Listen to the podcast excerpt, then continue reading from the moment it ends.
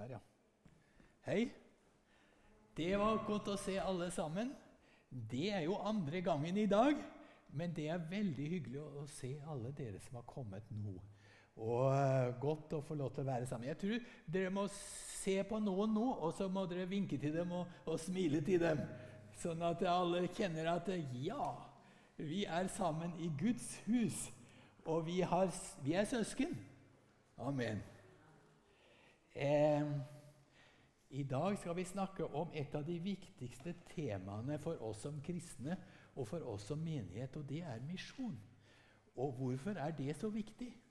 Jo, fordi det var noe av det siste som Jesus sa.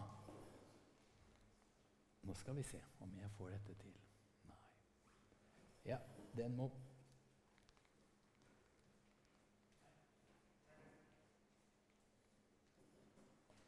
Jeg har noen bilder her, vet du. Der. Og, og, det siste som Jesus sa, det var dere, sa han, skal få kraft når Den hellige ånd kommer over dere. Og så skal dere være mine vitner, både Jerusalem og Judea og Samaria og like til jordens ende. En fantastisk befaling og et stort oppdrag. Og i det samme han hadde sagt det, vet du, så skjedde det som, som Jean leste om i dag, at det, Jesus for opp til himmelen. Og disiplene ble bare stående og måpe. Hva skjer? Og så sto de og så, og så, så til slutt så forsvant den og bak en sky der. Men så kom det to stykker menn i hvite klær og sto foran ham foran dem og så sa hvorfor står dere og ser opp mot himmelen? Denne Jesus som har fart opp, han skal komme ned på samme måte som dere så han fare opp. Å, tenkte disiplene. Tenk, han skal komme igjen! Ja, så dro de hjem, da. Med glede, egentlig. Og, men denne befalingen her å gå og være vitner i Jerusalem og Judea og Samaria og helt til jordens ende. Hva var det som skulle hjelpe dem? Det var Den hellige ånd. Den hellige ånd, og det skal vi snakke litt mer om i dag, for det er så viktig i våre liv. Så, så hadde disiplene, de første disiplene i Jerusalem de hadde det kjempefint. Fordi at eh, de ble fylt med Den hellige ånd, og, og mange ble frelst. 3000 først, og så uh, flere tusen etterpå.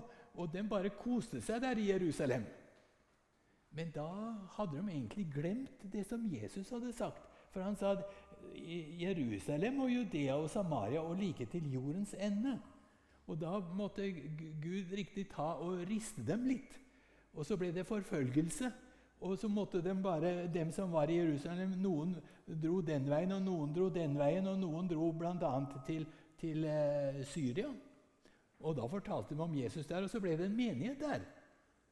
Og det skal vi snakke litt om i dag. Fordi at eh, Den hellige ånd talte til Barnabas og Paulus, som var i Antiokia. Den hellige ånd og jeg tror I begynnelsen tenkte jeg ja, men sa ikke Jesus noe om alle andre land? Jo, jo han sa det. Og jeg, jeg, kjenner at jeg tror, vi må, jeg tror kanskje vi må dra.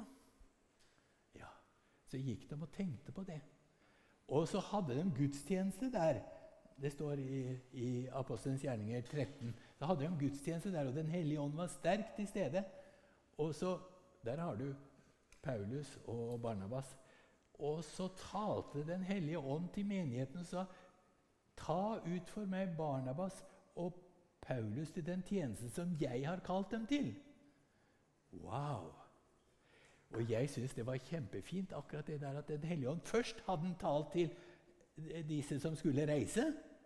Og så etterpå talte han til hele menigheten og sa 'Send dem ut'. Ja. Og, eh, og, sånn er det. For misjonskallet det er kall både til enkeltpersoner og det er kall til Guds menighet. Send dem ut. Og, eh, og, vi opplevde noe av det samme når vi skulle reise til Svasiland. Og, og vi kom hit til Pinsekirken. Vi hadde fått et kall. Og så, og så sa vi vi har tenkt å reise til Svasiland. Og da sa menigheten her ja, og det skal vi støtte.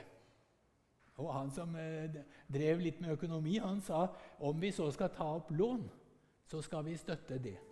Og det kjente jeg at det var en veldig god tilbakemelding. Og da skjønte jeg ja, men her er det både menighet og vi som har fått et kall. Og her ser dere, her ser dere eh, hvor Paulus dro. Her har vi jo Israel her, og, og Syria ligger her. Og så har du jo den fine øya Kypros. Hit dro han først. Og, her er Tyrkia, ikke sant? Og så har du Hellas. Så han, han reiste langt. Og uh, vi må tenke på at han, det var ikke tog og bil og buss og fly. Så uh, enkelte steder kunne han bruke båt, men ellers så gikk han jo mye. Og når han kom til en ny by så fortalte han om Jesus, om Gud som sendte sin sønn. Og han gikk rundt og forkynte og fortalte om Gud, og han helbredet syke. Og, men til slutt så ble han korsfestet. Men når han døde der, så var det for våre synder. Og så ble han begravet. Og det folk hørte. Men så sto han opp igjen, og han sprengte dødens makt. Wow, tenkte folk. Men Flere hørte det og tenkte ja, det der, det tror vi på. Men ikke alle. Og da starta det en forfølgelse der. Og Enkelte steder, når eh, Paulus eh, kom og fortalte om Jesus, så bare, bare jagde dem en bort. Og et sted i Filippi så ble han tatt til fange. Skal vi se der. Og der ble han rett og slett hudstrøket. Ikke sant? Og det, det, det skjønner vi at det var ikke noe særlig behagelig. For der, eh, det var jo en sånn pisk med jernbiter. Men når han var blitt hudstrøket, og etterpå så ble han kasta i fengsel og, eh, Men der satt de faktisk og priste Gud. Og det var litt eh, Det er jo fantastisk å lese, altså. For der sang de halleluja, halleluja. Og vet du, fangene i de andre rommene de bare spissa ørene og lurte på hva er det egentlig som skjer. For det hadde de aldri hørt før, at noen hadde sunget lovsanger i, i det der fengselet der. For der banna dem, og der sverga dem, og der skreik dem og gråt. Men de sang ikke lovsanger. Men forskjellen var at noen hadde Den hellige ånd i sitt hjerte og kjente Jesus er med oss. Det er ganske gripende, egentlig. Men vi, mange ganger når jeg har tenkt på Paulus, så har jeg tenkt at ja, han, det var greit for Paulus, det er verre for oss. Men når jeg har studert det litt mer nå, så har jeg tenkt nei, det var ikke så greit for Paulus. En gang ble han faktisk steina. De tok han, og, og utenfor byen og, og tok av ham klærne og bare bare kasta svære steiner inntil han bare kollapsa. Og de trodde at han var død. Og så, og så eh, De troende, vet du, det, Når de andre hadde gått, så de troende de bare samla seg om en. Det var helt ute av seg, sikkert. Men, men, så så de plutselig at han, at han begynte å røre litt på hodet. Å, han lever! Og så, ja, så hjalp de ham å stå opp, og så kjente de at det, 'Å ja, han har sår her og her.' og Ja, åssen ser han egentlig ut? Men de tok han med seg hjem, og så ga han dem en mat. Og så, og så stelte de sårene. Og så, og så tenkte jeg Ja, da sa vel Paulus nå får det være nok. Nå orker ikke jeg mer. Jeg lurer på om jeg kanskje hadde kommet og sagt det. Men jeg håper ikke det. Paulus sa ikke det. Han sa, 'Nei, jeg skal videre'. Da får jeg, nå drar jeg til neste by. Og for dem trenger å høre om Jesus. Og dem har ikke hørt om Jesus. Jeg går til neste by. Ja, så bare sendte dem en videre, vet du. Og det var av Den hellige ånd, som fylte hjertet til Paulus. Og jeg tenker at Den hellige ånd ledet Paulus, og han var veldig følsom for Den hellige ånd. Og det, jeg tror at det, Mange ganger så, så kikka han på kartet. Han sa nå, 'Hvor skal vi dra nå?' 'Ja, nå drar vi til, til, til uh, Filippi, og nå drar vi til Troas.' Ja, og så gjorde de det. Men en gang så, så står det at uh, han prøvde å dra til Bitynia. Det er litt nord i, i, i Tyrkia. Men Den hellige ånd ga dem ikke lov. Og da liksom Han kjente det. Nei, stopp litt. Vent litt. Ja. Ja, så dro de ikke dit, da. Da skjønte de det. Men så var det neste natt, eller eh, en av nettene der, når han sov, så så han et syn av en som, som var fra Makedonia, som sa 'Kom over til Makedonia og hjelp oss'. Og Det syns jeg er veldig gripende og flott, for, for, Makedonia det var faktisk det første stedet i Europa hvor evangeliet ble forkynt. Og det var fordi Paulus var lydig mot Den hellige ånd. Kom over til Makedonia og hjelp oss. Og så har jeg tenkt Den hellige ånd den var så avgjørende for Paulus.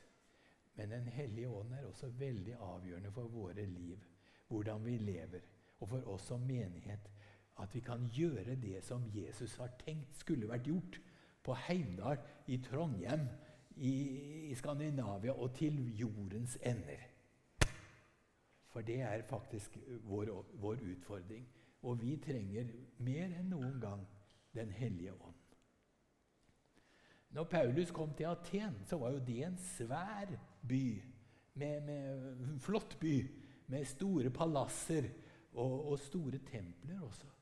Og, og, og, Paulus tenkte nå tror jeg jeg må gå litt rundt her og se hva er det som hva tenker folk på her, og hvordan er det her? Sånn at jeg kan ha et budskap å gi. Og så så han vet du, at det var mye sånne avgudsfigurer. Avguds, eh, og det var avgudstempler rundt omkring. Og så så han også et sånt alter. Og der sto det for en ukjent Gud. Å ja, tenkte Paulus, den der skal jeg kanskje bruke. Og så ble han invitert etter en stund til å komme og tale. Kom og tal til oss på, på um, torget, for der er det mer folk, sa de. Og da kan du liksom legge ut litt mer. For det her du snakker om, det er jo litt interessant, sa folk. Så kom han dit, da, vet du. Og da brukte han det der han hadde sett. Så da sa han, 'Atenske menn', sa han. Jeg har sett når jeg har gått rundt omkring i deres vakre by, at dere har et alter også for en ukjent gud. Denne guden som dere ber til uten å kjenne, han kjenner jeg. Og nå skal jeg fortelle dere. Men da må dere ikke tro at Gud er som, som en sånn statue som er laget av mennesker. Gud har skapt hele verden. Gud er, er stor. Og han sendte sin eneste sønn til verden for å frelse verden. Han gjorde godt, men han ble korsfestet. Han døde, men han sto opp igjen. Han seiret over døden. Og folk bare lurte. Men noen skjønte dette er virkelig.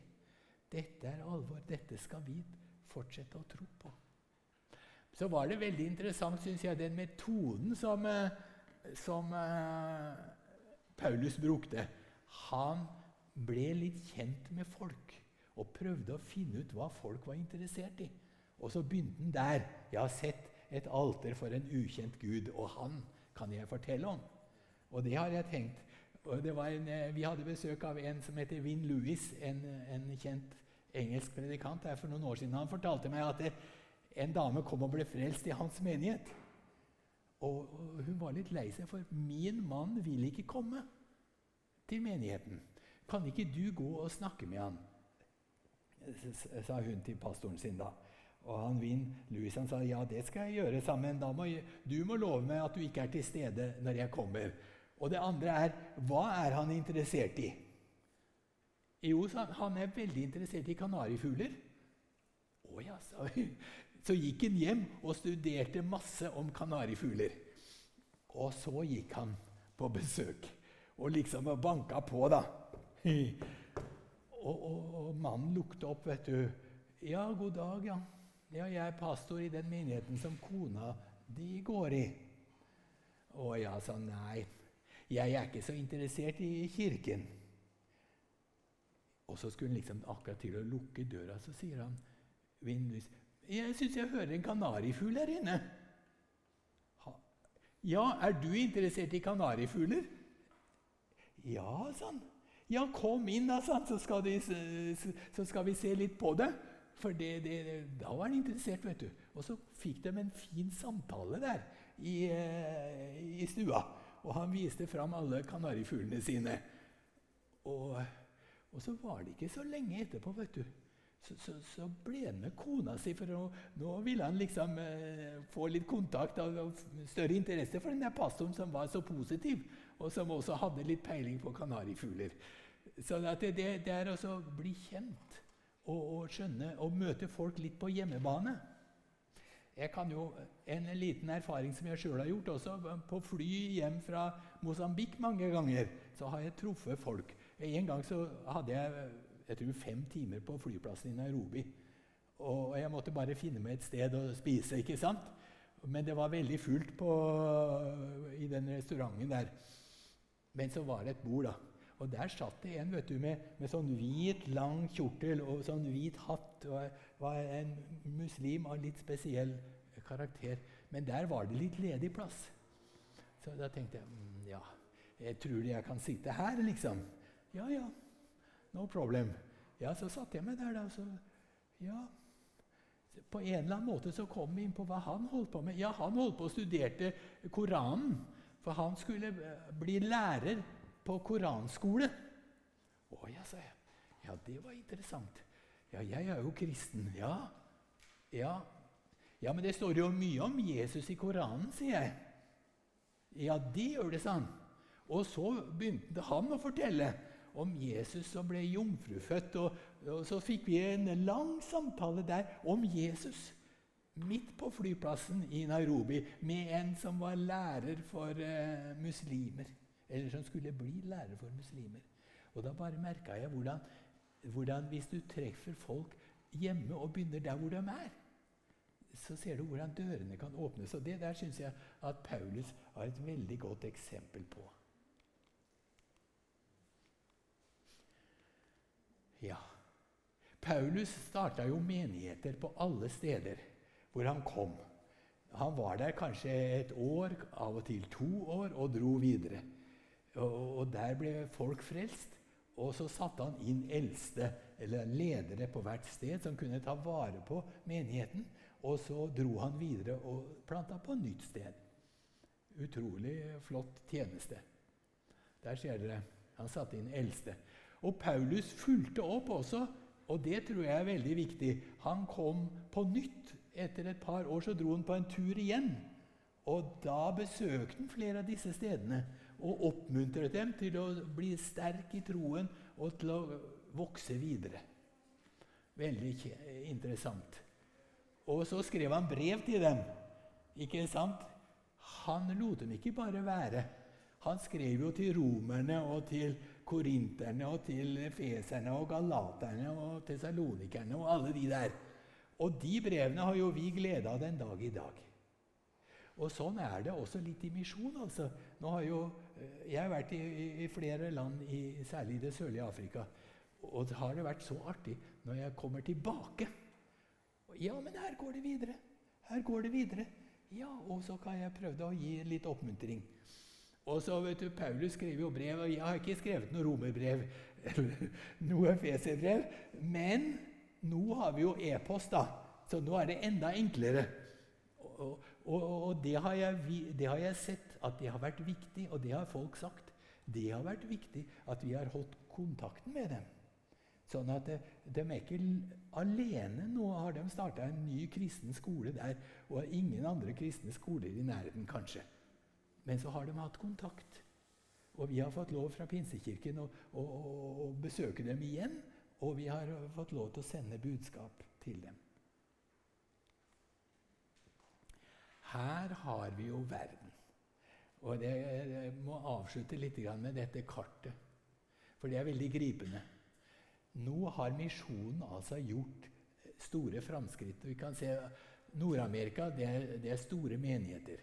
Sør-Amerika det er mange menigheter. Afrika, sør for Sahara, det er tusenvis av menigheter. Og sterke menigheter. Og vi har Australia, hvor det også er store menigheter. Og vi har jo lille Norge og Sverige oppi her. Vi har også hørt evangeliet. Europa har jo hørt evangeliet, men eh, de har mista mye. Og der er det fortsatt store behov. Men så har du altså Nord-Afrika, som er, som er eh, nesten 100% muslimsk. Og det står igjen. Og så har du Midtøsten også. Og så har du dette området som ligger bortover her. Altså India, Kina, nordlige delene av, nordøstlige delene av Russland. Det er fortsatt en del som ikke er nådd. Og der tenker jeg at eh, vi må be, og vi må være villige til å gjøre noe for at vi skal oppfylle det som Jesus sa. Jerusalem, Judea, Samaria og jordens ende. Vi har ikke enda nådd helt til jordens ende. Men det som er flott, og som jeg er veldig takknemlig for å være med i Pinsekirken, det er at det, vi er en misjonsmenighet. Og vi har altså nå er vi med og støtter programmer som, som når hele Nord-Afrika. Og mange tusen sender altså brev eh, sånn, eh, Det er, er TV-sendinger og internettsendinger og ber om Nytestamenter. Og, og dette er fantastisk. Og, og der tror jeg at vi skal ha et gjennombrudd. Og så har du så vi kan bruke mange midler i vår tid, både Internett og TV og radio. Men vi trenger faktisk også mennesker, unge mennesker som nå er villige til å gå selv om det er vanskelig. Og som er villige til å dele evangeliet på helt nye steder. Sånn at det må være også et, et bønneemne. Og, og, der må vi begynne å forberede oss. Kanskje noen av de som er, nå er barn i Pinsekirken, dem kommer til å reise. Og da spørs det om vi er klar til å sende dem. Ja, skal vi be. Kjære Jesus, takker deg for Den hellige ånd. Takk for Den hellige ånd som gir oss styrke, som gir oss veiledning, og som leder oss til å gjøre det vi skal gjøre før du kommer.